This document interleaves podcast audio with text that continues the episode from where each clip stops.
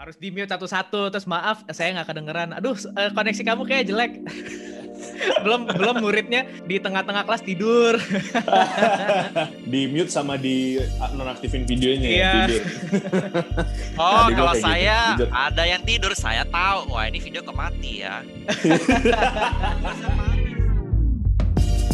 You're now tuning to Fit Talk Podcast, brought to you by I Get Fit, your personal health advisor, with your host Dr. Richard, Bram, dan Sam.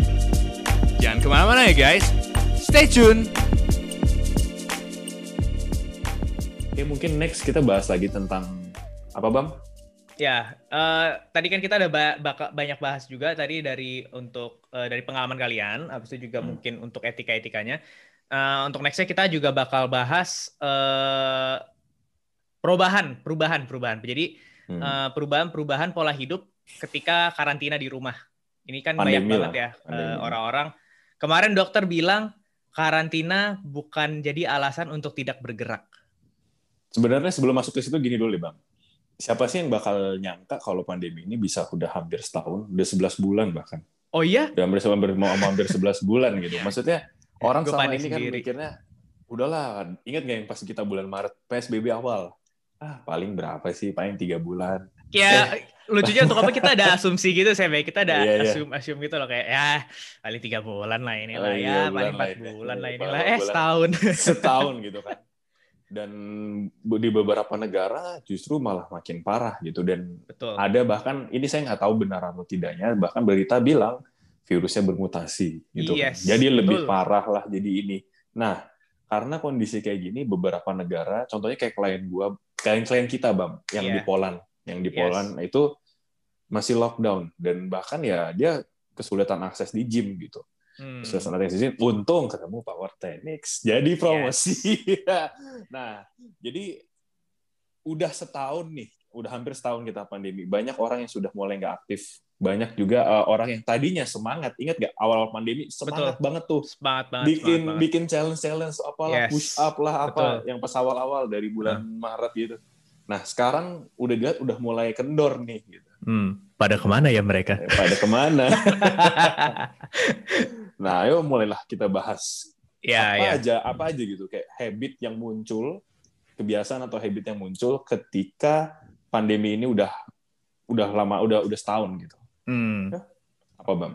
Ya, yang pasti sih ya, eh, yang ba- paling drastis banget perubahan pola hidup ini dari ketika kayak kita udah mulai karantina itu, eh, yang darinya mungkin ya orang yang sebelum pandemi dan karantina pun ini dia sudah sedentary lifestyle-nya. Ya mungkin dia Hmm, hmm, eh, hmm, mostly banyak kerja di kantoran, hmm, terus dia juga kayak jarang aktivitas fisik. Cuman Hmm. bedanya waktu sebelum dia eh, karantina di rumah atau work from home, ya mungkin dia pas bangun dia masih bangun dari kasur, terus dia masih masih apa jalan ya jalan ke mobil dia. Habis itu mungkin dia dari mobilnya jalan sampai di parkiran kantor, terus masih jalan Hmm. nih sampai ke Hmm. office-nya. Terus mungkin hmm, eh, dia masih ada usaha eh, sedikit effort lah kayak ada udah deh hari ini gue nggak usah naik lift gue naik tangga ya lumayan lah Ah, masih iya. ada Hmm. Eh, mungkin dia average-nya sehari masih bisa dapat 3000 step lah average-nya mungkin kan. Nah, Hmm. terus ketika pandemi udah tadinya mungkin sedentary lifestyle-nya makin parah lagi. Yang tadinya Hmm. mungkin dia masih harus jalan ke mobilnya mungkin ini paling simpel aja ma- masih harus jalan ke Hmm. mobil. Sekarang dia Hmm. nggak perlu jalan ke mobil lagi dia cuma jalan. Iya. yang mungkin harusnya jam 12 dia ada meeting ya. Ya udah Hmm. dia bangunnya 12.45. 12.45 bangun cuci muka bentar. 11.45. 11.45. 11.45. Eh, Iya, 11.45. 15 menit ya. dia 15 bangun menit dari meeting. Cuma Hmm. buat ke kamar mandi dia cuci muka Iya. habis itu ke meja meja dia buat zoom buat buat buat eh buat ya buat kelas lah atau atau ke eh, office dan macam-macam ya udah Iya, iya, iya. stepnya dia tuh cuma di sekitar sekitaran situ doang dan yang eh, surprisingly ya sekarang Hmm. pun banyak orang yang mungkin average stepnya nggak nyampe seribu loh dalam sehari loh tuh itu itu itu dia menjadi alasan kenapa tiba-tiba banyak nih lonjakan yang Hmm. dulu orang bilang kayak ih berat badan gue dulu sebelum pandemi segini loh. Toto pas udah eh, WFH karantina di rumah tuh langsung kayak naiknya bisa 6 kilo bisa naik ya 8 kilo. Hmm. kalau pertama sih dari gua sih itu sih ya. Sama mungkin yang kedua juga karena dia eh, mager juga karena udah jarang gerak terus mungkin jadi stres ya, jadi stres. Akhirnya dia cari-cari hal-hal yang untuk nge-pleasing diri dia sendiri gitu loh, yang bikin dia Bener. senang. Bener-bener. Yang ke makanan yang kemarin dokter Hmm. bilang dok ya perubahan pola makan ini ini Hmm. ini wajib banget sih dibahas di sini. Kalau Sama dari bisa- dokter gimana tuh? Nah, Ya dari oke. dari lu Dok- dan Sam, Sam dan dokter lah kalau untuk perubahan Ah. pola makan. paling sebelum perubahan pola makan ini sih bang, karena kondisi pandemi gini banyak orang yang lay off, banyak orang yang kehilangan pekerjaan, dan itu salah satunya yang pemicu stres ya kan. Iya betul. Tadi yang gue Hmm. bilang stres dulu ya. Ya, stres. Hmm. Jadi bisa ada orang yang stres karena di rumah aja karena nggak ngapa-ngapain cuma kerja. Ada orang yang stres lagi, lebih stres lagi karena kehilangan pekerjaan gitu. Hmm. Kayak gue punya temen, temen bukan di circle olahraga atau Iya. enggak eh, ini, dia itu temen gue waktu SMP gitu. Dia tuh gue tahu banget orangnya tuh dulu kurus lah, maksudnya kurus Mm-mm. yang ya not too skinny tapi ya skinny fat lah. Oke. Nah, dia kena layoff ya kan kena Hmm. layoff naik naik berapa 8 bulan tuh naik sekitar hampir 15 kilo karena dia Wow. stres Itu gede banget sih 15. itu gede banget itu jadi kayak Dalam berapa bulan Sam? 8 bulan 8 Dan itu- bulan. Wah. itu itu itu bener-bener ya mungkin karena dia stres kan dia ya, Mm-mm.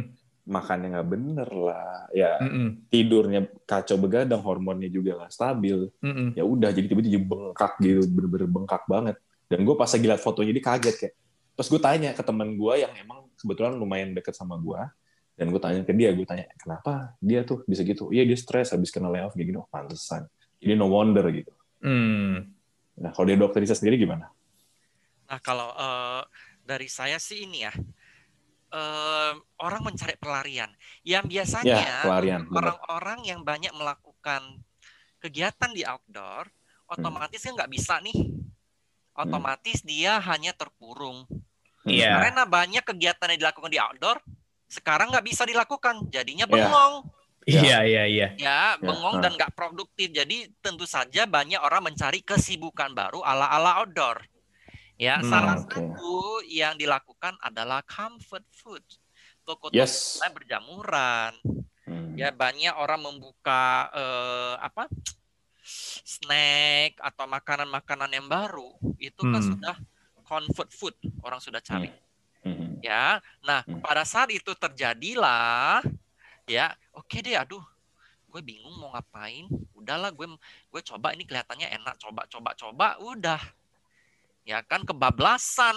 Ini yang saya perhatikan banyak terjadi pada masa-masa pandemi. bener Ya. sih bener bener Mm-mm. Ya kan? Orang mencari comfort food. banyak banyak banget comfort food Nah. terus habis itu konsumsi alkohol juga banyak sih dok yang Nah, gara-gara orang yang stres memang ya Meningkat ya. meningkat. Mm-mm. karena yang dicari comfortnya kan maksudnya mereka cari sesuatu yang menurut mereka ah udahlah gue capek ah gue stres lah entah mereka ngerokok kayak apa kayak Hmm. minum kayak alkohol ya gitu sih Ya, terus Netflix. Aduh, saya harus ngomong merek lagi itu. Ya, Ah. nonton, ya kan nonton-nonton online lah. Nonton, betul, Ya. betul. Beli PC, beli PS4, ah iya, iya PS5. bener. Wah, itu Ngomongin- kayak tuh saya lihat ada PS5 tuh. bukan, bukan, bukan, bukan PS5. itu bahkan ini ngomongin apa tadi eh TV ya, kita eh, nontonin TV-TV kayak sekarang yang subscribe, yang model-model yang premium, jadi kayak kita bisa nonton-nonton seri Ya. di rumah. Itu bahkan sekarang sampai eh, itu loh ngetre apa sebutannya kalau kalau kalau threat itu kan bahasa Inggris yang ngancam ya mengan- mengancam. Dia tuh sampai Threat, ya. mengancam kayak Hmm. industri bioskop. Bi- industri bioskopnya itu sekarang udah terancam mau punah juga gitu loh karena Iya, ya, kondisinya baik ya, lagi sekarang orang-orang udah lebih prefer nonton di rumah. Di rumah ya udah nggak ada aturan lagi kayak nggak boleh main HP nggak boleh lagi sambil ngunyah-ngunyah dan macam-macam bisa sambil tiduran sepuasnya. Banyak banget sih kayak Gak boleh efek- mesra-mesraan gitu kan. banyak banget jadi setelah efek dari pandemi ini kayaknya hal-hal yang dulu mungkin biasa kita lihat ya ya ini bakal Hmm. berubah semuanya berubah sih Berubah banget sih, Bang. ya Ya, sama benar. salah satunya itu ya untuk untuk pola dari pola hidup ya mungkin ini nggak terlalu signifikan banget untuk kesehatan Hmm. Eh, Tapi Cuman tunggu mungkin- dulu, aktivitas itu yang membuat orang menjadi sedentary. oh oke Hmm. Oh? Eh, eh, Mau nonton, mau beli PS, kan jadinya dia diem. Tidak ada Iya. aktivitas fisik. hmm, hmm, hmm. Nah, itulah yang mulai memunculkan masalah baru. Iya Di- ditambah dia kemarin eh, Oh, ya. ya duluan saya boleh ditambah sekarang praktis banget gitu, Dok. Misalkan Betul. kita mau makan tinggal Gojek.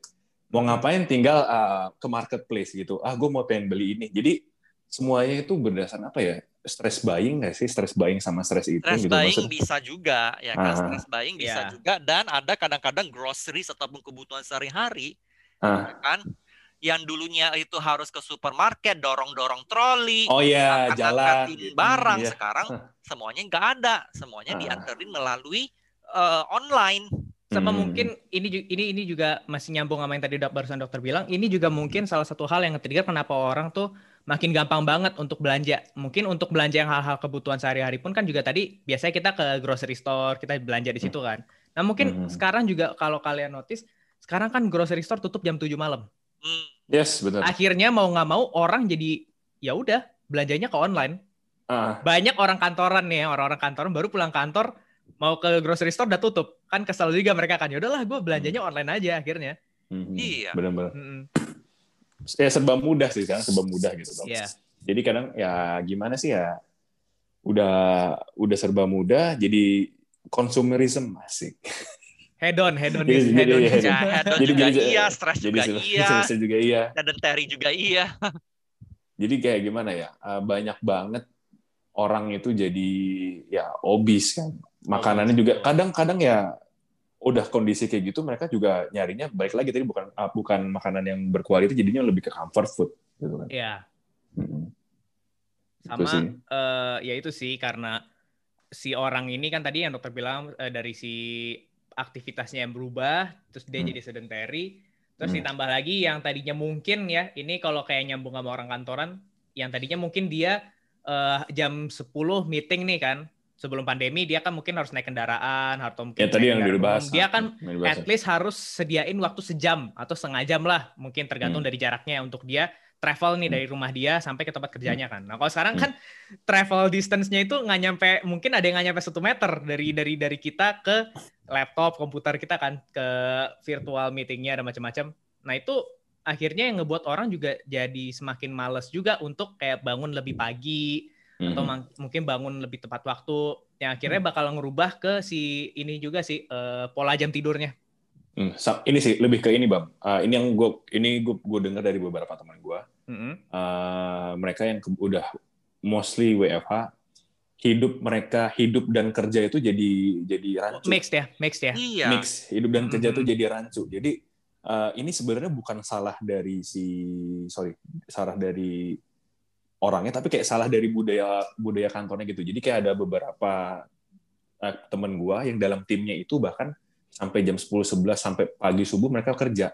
Karena Ya. mereka mungkin kayak udah terlalu PW gitu kan di rumah, kayak udahlah Mm-mm. ntar schedule-nya diundur diundur diundur undur. Jadinya kerjanya tuh baru eh, siang ke sore sampai ntar subuh. Ya, jadi jam tidurnya jadi fuck up. Nah, itu tuh bisa jadi salah satu betul sih ini betul. sih yang berubah banget nih selama pandemi gitu. Ya, Kerasa nggak sih kalau kerja di rumah jadi kayak mager gitu? eh, dulu sih ya, dulu sih ya Nah. gua gu- eh, kalau ju- kalau di gua sih jujur gua Hmm. nggak terlalu kayak berasa impactful banget ya karena kayak di gua di kantor gua di Mas Lebon pun juga Hmm. Eh, sebenarnya kita udah terbiasa sebelum pandemi kita ada kerja remote kita udah terbiasa Ah. cuman mungkin kayak gua ngelihat eh, kakak kakak gua yang kayak mungkin dia kayak kerja kantoran kakak gua kan ada yang kerja kantoran terus ada ya juga kerja kantoran mostly kerja nah itu yang gitu. kayak bener-bener gua ngeliat kayak mereka berada ber- ber- ber- ber- beradaptasi banget sih dan Hmm. gua ngelihatnya pun kayak challengeful banget untuk mereka yang Hmm. mungkin ya tadinya seharusnya ini bukan aktivitas mereka gitu loh kayak guru Hmm. harus nyampe mungkin dokter juga ya kayak sebagai dosen yang mungkin tadinya nggak nggak ada nih mungkin assignment juga kayak tadinya mau presentasi udah disediain sama IT support nih dok nanti Hmm. tinggal presentasi Ya. apa ya sekarang Hmm. kayak mau nggak mau harus kita jadi ngerti juga gimana caranya ngedit video lah atau, atau bikin Hmm. edit foto lah dan macam-macam dan Hmm. itu beban banget kayak ngelihat yang hal-hal yang tadinya mungkin nggak biasa dilakukan mau nggak Hmm. mau dalam in short amount of time kayak harus harus bisa harus bisa harus bisa. Mungkin dari pihak sekolah Hmm. dari pihak kantornya harus mem- Hmm. harus memastikan kayak kalian harus bisa juga nih bikin bikin gini gini gini gini. Terus belum juga lead apa sebagai operatornya nih mungkin untuk di virtual apa virtual conference-nya. Mhm. harus di mute satu-satu. Terus maaf saya nggak kedengeran. Aduh eh, koneksi kamu kayak jelek. Belum belum muridnya di tengah-tengah kelas tidur. Di di apa di mute sama di nonaktifin videonya ya, Iya. tidur Itu adik gue sih, Bam. Adik gue kayak gitu. Oh iya. Oh, Adik kalau gitu, saya. Eh, ada yang tidur, saya tahu. Wah, ini video kok mati ya. Kalau saya panggil si A, saya diem. Nggak nggak nyaut, Saya, saya bilang saya nggak akan saya nggak akan lanjutkan sebelum si A itu respon. Udah saya diem. Terus teman-temannya pada pada pada heboh kan nelfon Pada nelfonin. Saya udah ngancam nih kalau saya ketemu yang tidur, oke, kita oke. kuis mendadak. Waduh. Jadi otomatis dimusuhin juga yang tidur ya. Iya, iya. Woi, bangun, Siapa woi, yang bangun, ketemu woi. tidur, buka kuis. Aduh, kelar sih. Eh, Nah, jadi ini, jadi ada Hmm. jadi ada trik-triknya juga begitu. Hmm, Nah, hmm, ini jujur saya juga pada saat mengajar ini di atas ranjang saya nih. Sekarang kita nge-zoom di atas ranjang saya juga. Jadi saya ada meja kecil, ah, ada meja kecil yang bisa ditaruh di tempat tidur. Bisa taruh hmm, laptop, bisa taruh mouse. hmm. Ini dan wala kita juga bisa melakukan pengajaran di atas tempat tidur.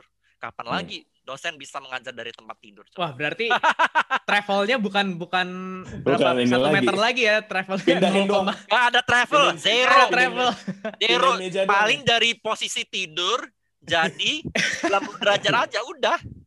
Sama Iya. ini dok, pindahin apa? Pindahin meja, pindahin meja. iya, doang, pindahin udah. meja. Eh, Kamar mandi mau kencing, udah gitu doang sih. Semuanya saya sudah Google Home, rumahnya saya sudah Google Homein semua. Betul, betul. Ah, udah Apa lagi. aja, lebih nggak gerak lagi, nggak usah cari remote lagi. Eh, saya lewat lagi. nah, ini kan semua ini kan itu ngaruhnya ke ini, dok. Apa screen time ya? Screen time-nya itu tuh jadi Yes. screen time tuh kayak mata kita, pandangan mata kita ke layar, ke laptop, ke HP, semua jadi lebih meningkat. Kan Yes. ini kami, eh, saya dan Mbak Bam pernah ngebahas tentang eh, blue light effect yes. ke masalah Melatonin kualitas ya. tidur. Ya, kualitas Yes. tidur. Yes. Nah, beberapa orang juga banyak yang uh, di DM bahkan DM saya tuh bahkan bilang kenapa ya gue semenjak WFA jadi sulit tidur mungkin itu kan salah satunya mungkin bisa dijelasin lagi lebih lanjut tuh kenapa sih bisa kayak gitu dok Nah, em, di dalam tubuh manusia itu ada namanya siklus sirkadian ya, circadian. Yes. ah circadian rhythm ya ya. Nah, itu tubuh akan merespons Hmm. ya pada saat ada perubahan intensitas cahaya. Ya, ya of Hmm. course yang kayak blue ini ya, blue light. Ya. Hmm. Nah, apa yang terjadi pada saat exposure meningkat ya kan produksi melatonin itu berubah alias menurun. Pada saat menurun. Kemampuan tubuh untuk mengatur jam tidur Hmm, hmm, hmm, menjadi lebih sulit betul ya. Nah, inilah alasannya dibarengi dengan stres pada saat pandemi ataupun perubahan-perubahan kebiasaan ini yang menyebabkan insomnia. oh iya benar-benar Ya, belum lagi kalau orang nonton-nonton ya film-film Korea ya tinggal buka ya aduh saya bosen nih. Attack on Ya, kadang-kadang penasaran kan. Attack on Titan. Iya, ya dia hajar 10 episode, 12 episode. yang main PC dia dia dia beli gamenya itu seabrek-abrek ah. Cyberpunk dok ya. Apa? Cyberpunk, yo. Cyberpunk. Sekarang saya lagi main Atelier Riza juga saya. Oh iya. oh apalagi gamers Banyak gamers gamenya. ya gamers gamers ya. Betul. Gamers, Saya gamers. gamers, nanti minggu depan ada Monstrum Nox YS9. Itu juga mantep abis. Yang action RPG. Eh, Nah, ya, nah pada saat ini terjadi kan WFH kan tidak ada tekanan untuk eh, bangun jam segini harus begini. Ya kan orang jadi lebih nyata Allah paling ya buka mata langsung kucek-kucek mata udah buka laptop. Kalau Hmm. biasanya kan harus nunggu bus, Iya. Ya. eh, takut ada macet, berangkat Hmm. lebih pagi. Jadi Hmm. Tekanan itu jadi tidak ada. Hmm. Nah, tekanan itu tidak ada, orang menjadi adaptasinya. Ya udahlah, kan gua nggak usah bangun pagi-pagi kayak biasa. Udah gua main, ya, eh, gua nonton. Nah, ini Hmm. juga ber apa berkontribusi dalam menyebabkan insomnia juga. Kan Hmm. dua-duanya kan ada blue filter. Ya, apa Oke. sorry bukan blue filter, blue light. blue light ah, ya. Ya, nah, tipsnya adalah sebenarnya kita harus atur nih, ya, benda-benda yang ada blue light ini tidak boleh ada di dalam kamar tidur. Hmm. Susah sih. susah sih Susah sih. Kamar susah tidur banget sesuai dengan judulnya ya untuk tidur. Hmm. Ini Dan saya, tidur saya, di, yang saya di lain ya, kamar tidur ya. yang ini dan tidur yang lain ya. Nah, Ya, nah itu kalau Oke. mau taruh ya di ruang keluarga. Tapi ini kan kayaknya saya terlalu ini ya over ya. Iya, iya. Nah, paling enggak kita disiplin aja nih. Kita kita atur jam tidur yang sama setiap hari, bangun pada jam yang sama setiap Rutin ya hari. dok, rutinitas ya. Rutin, ya. Betul, betul, betul. lintas. Hmm. Kadang-kadang juga gatel tangannya handphone. Aduh, gue tidur ini like like saya ada berapa ya, story saya ada berapa ya. Udah deh, dia ambil Iya, iya, kan mulai bener, juga. Bener, iya iya. Terus jadinya kayak lebih apa? Tidur tidurnya tuh jadi ke, Nggak kurang ke nyenyak. ya kurang nyenyak sama sama, Iya. sama satu lagi. Udahlah yang tadi saya kayak dok bilang, udahlah gue tiduran dulu scroll scroll HP, atau udah tiga jam, atau udah empat jam kayak gitu, Iya, gitu kan. kebablasan. Ya apalagi ya ada lihat nih hater-haters panas, perang. Makin nggak bisa tidur lagi ya. Begitu tidur.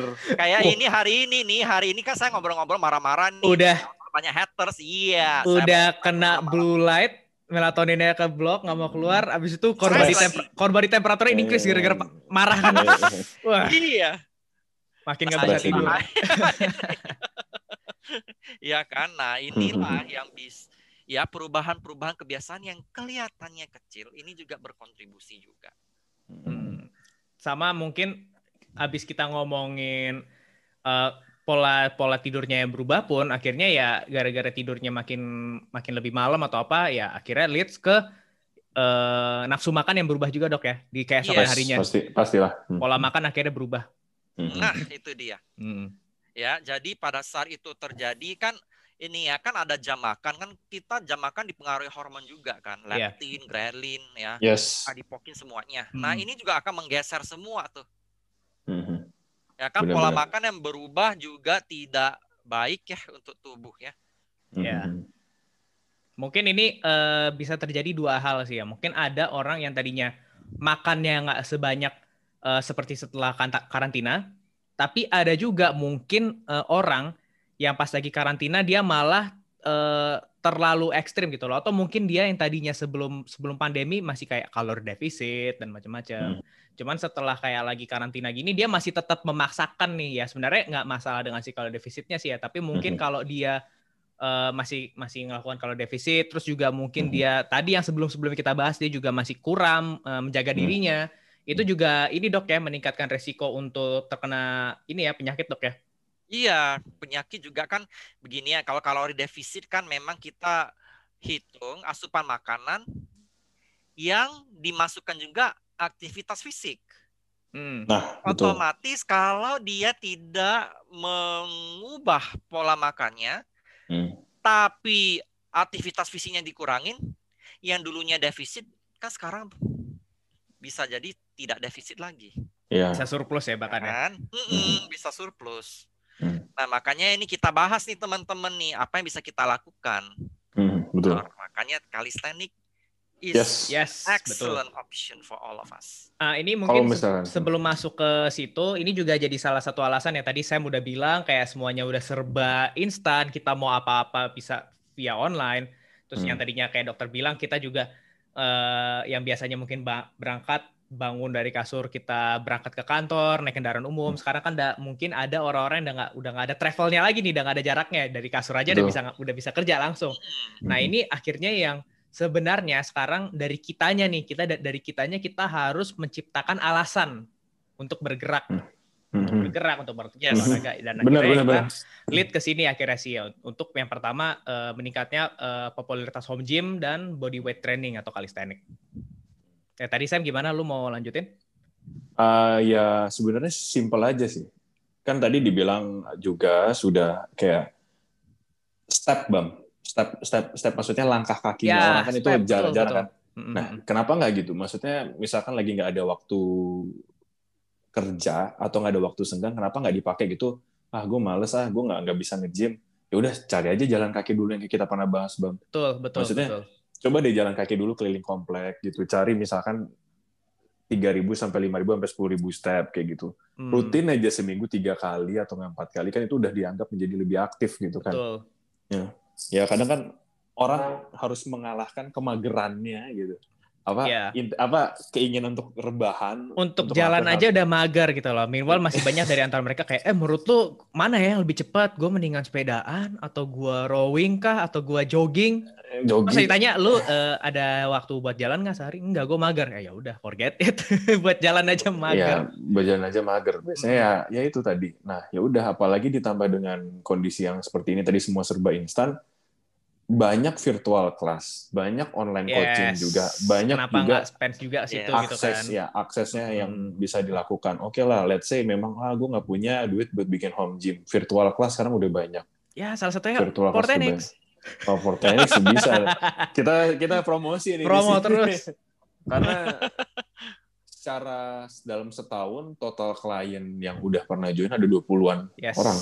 dan yang sekarang yang aktif ada 17 orang dan ya itu menunjukkan bahwa nanti ke depan orang akan lebih nyaman untuk apa ya bisnis ini akan lebih bergeser ke arah yang virtual gitu. Maksudnya secara Betul. online. Kalau dilihat-lihat ya walaupun nanti misalkan let's say eh, corona udah nggak ada gitu misalkan gitu. Pasti orang juga lama-lama kan jadi get used to dengan yang kayak gini gitu loh bang. Hmm. mereka lebih udahlah gue di home gym aja gue invest di rumah. Ternyata gue nggak perlu duit lagi buat bensin gue nggak perlu duit lagi buat Betul. bayar parkir pasti Hmm, pasti banyak yang pemikirannya seperti itu itu Iya. ya kan itu sih bang apa Mm-mm. tadi bang lanjutan lu mau ngomong apa Ya, eh, tadi kita kan udah bahas juga eh, yang tadi barusan lu bilang popularitas peningkatan popularitas dari home gym ya. Kenapa Hmm. meningkat? Tadi udah disebut Hmm. juga alasan-alasannya. Nah, sekarang Hmm. kita bahas body weight training nih yang si dari si calisthenic. Jadi Hmm. kayak ternyata sekarang pun banyak eh, bukan cuma dari eh, orang-orang yang di rumah latihan dan sekarang Hmm. ternyata juga pelatih-pelatih kebugaran banyak yang mengimplementasikan body weight training. Ya mungkin Hmm. tadinya mereka nggak biasa ngajar klien eh, cuma kayak dari body weight training yang Hmm. mungkin harus serba menggunakan alat. Sekarang ya Ya, mau nggak mau mereka juga harus bisa nih ngajarin yang Pasti. pakai body weight training. Nah mungkin kalau kayak lu notice tuh sebelum-sebelumnya kayak si eh, Greg Doucette, terus siapa Hmm. lagi ya eh, yang bikin-bikin sebelum sebelumnya tuh udah ada bikin kayak eh, coaching. Terus mereka juga bikin ada kayak yang khusus sendiri gitu loh yang kayak body weight training doang gitu, body weight training Hmm. calisthenics doang. Dan itu ternyata ya efektif banget sih dari si body weight Hmm. training yang kayak orang selama ini kan ngira resistance training atau strength training itu kan cuma kayak lu harus menggunakan eh, beban eksternal, misalnya menggunakan barbel, menggunakan dumbbell. Hmm. Padahal sebenarnya ya namanya aja body weight. Jadi body weight. Jadi ya kita tetap menggunakan beban Hmm. tapi ya berat badan kita sendiri dan itu juga part of strength training juga sebenarnya. Iya, karena kan sebanyakan orang itu ngira uh, strength training itu konvensional strength training kayak Betul. squat, bench, deadlift, Mm-mm. uh, Dan lu main mesin ke gym, bench press-nya gimana. Dan juga Ya. ini saya body weight training tuh juga kebanyakan sama orang-orang tuh di treat sebagai finisher biasanya kayak ya gue udah kelar udah kelar strength, gue udah kelar deadlift, gue udah kelar squat bench press, ya udahlah gue finishernya ngelakuin pull up, push up, sit up apa gitu. Jadi kayak masih dianggap hal yang Receh. Iya. receh gitu loh, receh gitu Ah. loh. Makanya kalau masih bingung, eh, hire Porten. Guys, iya langsung aja. Jadi gimana ya sebenarnya bisa gitu dimaksimalkan alat-alat yang ada di rumah gitu pakai kursi. Misalkan lu push up Yes. udah gampang. Push up udah gampang, kaki lu naik aja satu ke atas kursi. Wah, naik Hmm. kaki atas kursi udah udah gampang juga. Ya udah handstand push up, kaki lu nempel di dinding, terus habis itu lu handstand push up. Oh, udah gampang ya udah handstand push up yang nggak pakai Hmm. dinding. Gitu. Itu banyak gitu ternyata variasinya yang bisa dilakukan. Misalkan squat body weight, ah gue gampang, terlalu gampang. Gue gue gue berasa gue berasa kalau misalkan gue squat 100 kilo, coba scatter squat, Ya. coba sisi squat, coba banyak banyak variasi squat lainnya kayak lunges, Mm-mm. lunges, lunges lah apa gitu segala macam pakai tempo itu kan ternyata juga ternyata lebih sulit gitu. Mungkin Banyak juga gitu masih banyak orang-orang yang nggak tahu sih saya mungkin kebanyakan yang tahu kayak body weight training at home itu ya cuma sebatas push up atau Yes. mungkin sit up atau Yes. mungkin squat squatnya pun juga Hmm. mungkin orang-orang kebanyakan tuh ya air squat aja udah Hmm. padahal kan ya bisa banyak banget gitu loh kita kita breakdown lagi kan Kalau dok dok Richard sendiri gimana dok? Waktu selama uh, karantin kemarin latihan olahraga atau enggak? Saya sih eh, ngaku dosa nih memang saya kurang banyak bergerak ya. ngaku dosa Iya ngaku dosa dulu nih ya kan kurang banyak bergerak. Em, jadi ya kadang-kadang saya outdoor aja begitu. jalan ya, jalan jalan kaki Hmm, gitu. Ya, Ah, iya. jalan. Itu bener banget sih, itu bener banget. Itu Ya bener harus cuman kan sih. kalau untuk eh, strength sama untuk kalori burning not ini ya No, not no, ya. Memang harus calisthenics seperti ini lebih efektif karena kan dia kan salah satunya kan memicu pertumbuhan otot yang Betul. menjadi salah satu key untuk membakar kalori juga. Ya, Ya, nah ini yang memang eh, perlu di apa disosialisasikan lebih banyak lagi. Ya Mhm. kalistenik ini ya mungkin em, apa untuk orang-orang yang berkecimpung kita harus memberikan sosialisasi ataupun eh, apa bisa dengan mengadakan workshop bisa memang banyak-banyakin IG live ya Ah, ya. Yes. podcast jadi orang akan lebih tahu gitu loh kadang-kadang mungkin dia seteng ya hari ini dia strength besoknya dia boleh coba kalistenik. Hmm. Ya kan karena kan ini mudah nih tidak eh, tidak mengandalkan eh, alat-alat tertentu dan bisa dilakukan di mana saja dengan peralatan yang memang sudah ada di rumah tangga ya, Iya. ah. ya kan jadi ini merupakan salah satu metode yang excellent sekali ya Hmm. dilakukan pada saat orang terpaksa harus diam di rumah Mm-mm. Hmm, benar-benar. gitu Nah, kalau tadi udah dibahas juga soal bagaimana olahraganya, kalau misalkan dari segi makan, kan tidur tadi juga udah dibahas. Kalau dari segi makan gimana, dok? Karena kan semuanya serba ini. Nah, biasanya nih untuk orang-orang yang entusias sport ataupun orang-orang umum pada masa sebelum pandemi biasanya fokusnya apa? Kalorinya berapa? Karbonya tinggi rendah, lemaknya ini, terlalu banyak Hmm. minyak, proteinnya Hmm. harus segini, mau Hmm. bodybuilding proteinnya harus kali 2 gram dan sebagainya. Ini kan adalah tren-tren yang orang bicarakan sebelum pandemi. Yes. Benar. Nah, sekarang pada saat kondisi pandemi, ya kan, berat badan ideal ini tidak cukup karena Anda kapan saja ya bahaya COVID-19 mengintai. Hmm. Ya, bahkan ada olahragawan yang kena gejala sedang ke berat bahkan meninggal ada loh. ya. Oh, yang meninggal siapa, dok? Kira-kira? Eh, saya lupa namanya Hmm. ya, dia itu menjadi sukarelawan di Wisma Atlet. Saya lupa. Oh. Wow. Ya pernah Hmm. dengar kan ya? Ini famili ini pasti familiar ya. Hmm, Nah, iya. tergantung kondisi tubuhnya. Hmm. Ya, nah dengan mengetahui ini tentu saja ya kalori lah, karbonya, proteinnya, lemaknya harus gini gitu ini sudah tidak cukup lagi. Ya, Hmm. kita harus memasukkan elemen-elemen yang memboost sistem Ya. kekebalan tubuh. Hmm. Ya. Nah, kalau kita lihat orang-orang banyak menambahkan suplemen seperti zinc, vitamin C, D, E ataupun dengan menggunakan herbal. Herbal-herbalan. Hmm. Hmm. Ya, berarti ini fokusnya sudah expand nih. Hmm. Ya, jadi juga eh, kita juga harus melihat di sisi mikronutrien juga. Yes, betul. Ya, tadi kan Ya. makronutrien sekarang mikronya. Mm-mm. Ya, kalau dulu kita perhati, aduh berat saya ini nih saya terlalu berat nih harus kurang kurang 10 kilo, karbonnya segini, proteinnya segini, lemaknya segini, kalorinya segini. Mhm. Mana pernah orang bahas vitamin A-nya harus gini, vitamin B-nya begini, C-nya begini, D-nya begini? Nggak pernah. Eh, Tidak pernah. Serat berapa? Tidak pernah. hmm, hmm, Nah, sekarang kondisi pandemi ini sudah kita harus memikirkan. hmm. ya dengan alasan banyak ya olahraga belum belum berarti anda kebal ya seperti Ya. yang kita bahas sebelumnya Di episode sebelumnya. ya. Hmm. ya nah ini kan belum tentu alangkah baiknya kita cobalah benahi lagi sesuai dengan pedoman gizi seimbang Hmm. ya ini yang memang kita harus laksanakan ya berat badan ideal boleh ya memang obesitas merupakan salah satu komorbid yang berbahaya untuk eh, COVID-19 tapi kita juga harus perhatikan ya vitamin dan mineral sebagai elemen penting yang membangun sistem kekebalan tubuh Anda Hmm. Betul. Mm, ya, jadi ini kita harus perhatikan nih. Ya, daripada kita lihat proteinnya berapa, karbonnya berapa, lemaknya berapa, kita lihat nih. Wah, hari ini makannya buahnya apa, ya. Buahnya berapa macam, sayur-sayurannya apa, serat saya cukup tidak. Nah, ini sudah mulai harus kita masukkan ke dalam faktor ya Hmm. untuk menjaga makanannya sehat. Ada standarnya nggak dok? Kayak misalkan fiber berapa, vitamin Yes. E ini berapa, gimana gitu? Kalau eh, apa untuk orang yang sehat ya ini ya. Kalau untuk orang yang sehat itu pemerintah sudah mencanangkan pedoman gizi seimbang. Hmm. Ya, pedoman gizi seimbang itu eh, dia ada gambar piramid. Ya, contoh Ah iya iya. iya. makanan pokok. 3 sampai 5 porsi, lauk pauk juga 3 sampai 5 porsi. Ya, eh, sayur dan buah 3 sampai 4 porsi, sayur-sayuran 5 sampai 8 porsi. Hmm. Minum 8 gelas. Gula 5 sendok makan.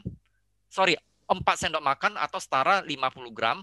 Lemak 5 sendok makan atau setara 66,7 gram Hmm. garam dan sodium eh, sodium eh, seperti penyedap rasa itu Penyedap rasa.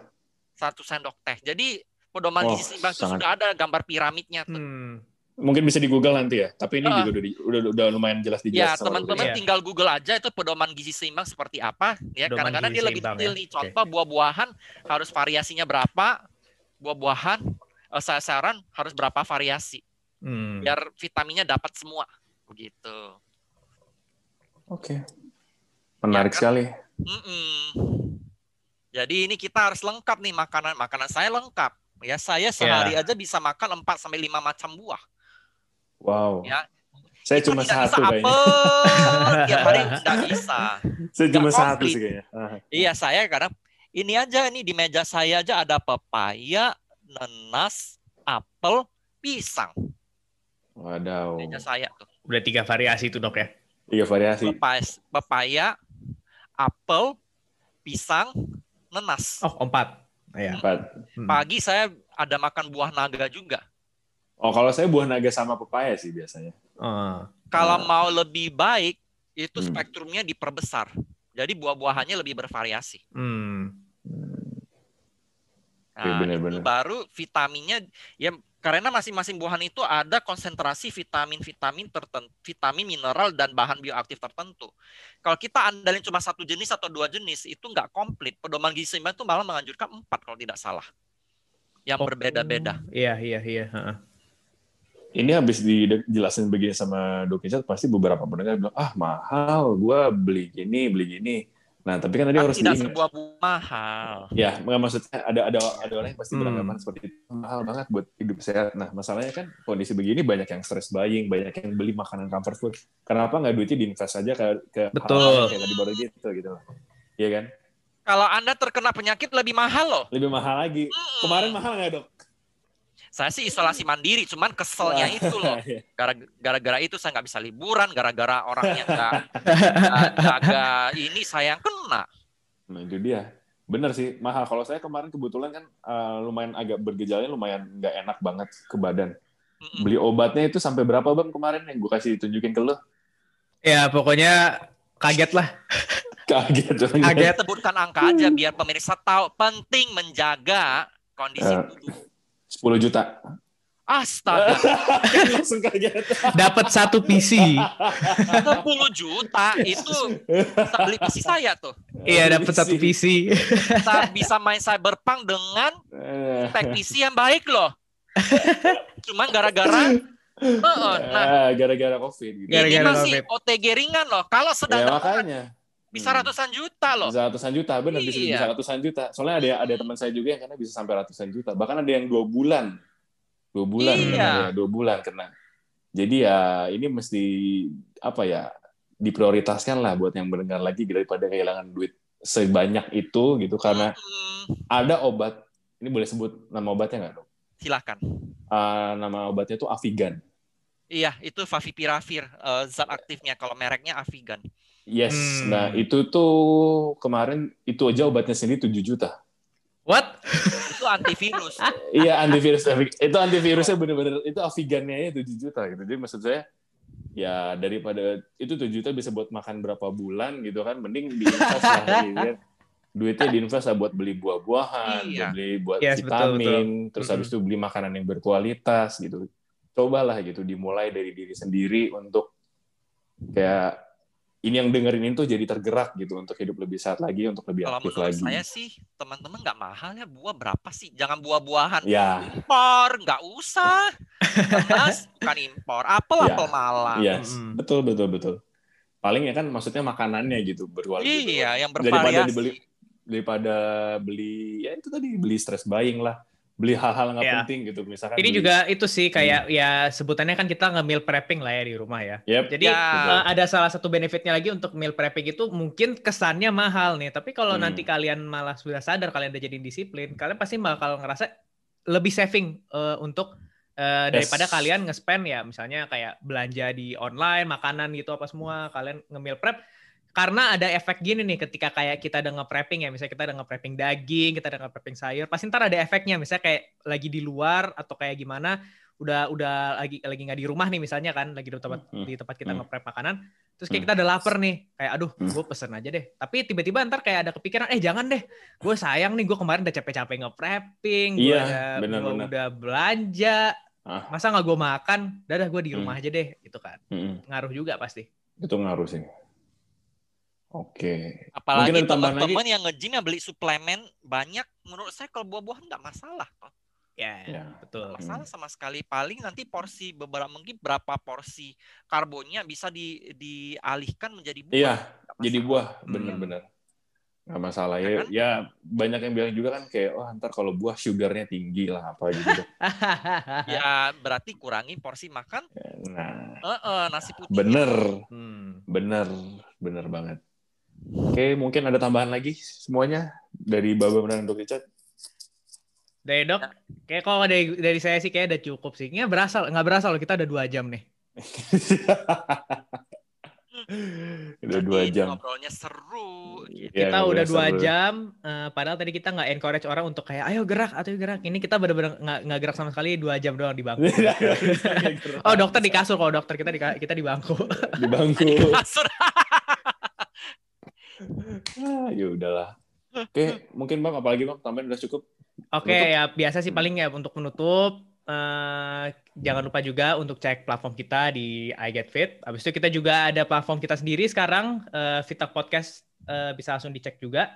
Ya. Habis itu juga Oh. untuk personal Instagram gua bisa cek di @weightlifty, habis itu Sam juga di @yona_samuel, habis itu juga untuk Dr. Richard bisa langsung follow juga di icat underscore rado. Nah, Bukan Eh, Rado, oh, bukan Science. Oh iya udah berubah dok ya, udah berubah dok ya. berubah, Iya, berubah, Omic berubah. Science. Iya, mungkin dokter yang sebut kalau kalau kalau kalau saya sebut Hmm. nanti takutnya misspelling nih dok. Iya, Icat, ya biasa. Ya. Underscore Omic Science. Eh. Oke. Iya. Biasanya kan kalau di IGFI Mhm. kan nama kita bertiga di tag terus nih. Ya kan? Iya, aja. Iya, pokoknya, pokoknya nah, untuk teman-teman yang dengerin jangan khawatir, kita bakal rutin lagi nih ya, aktif lagi. Kita sudah mulai aktif lagi. Iya, ya eh, mudah-mudahan jangan jangan abis itu gua aja nih yang kena deh abis itu nih. please jangan, please jangan. Ini kan udah deket-deket vaksin nih. Nah, Ya, Ya. mudah-mudahan bisa inilah ya. bisa vaksin lah. eh, bisa membantu Hmm. eh, apa mengurangi beban pandemi inilah paling tidak. Oke. Hmm. Episode kali ini sampai di sini aja. Thank you for listening guys. I see you guys in the next one. Bye. Bye. Bye. Thank you for listening to Fit Talk Podcast. For more information about fitness stuff, check out our Instagram at iGetFit. Make sure to check out Power Techniques for personalized training program. Till next time on Fit Talk Podcast.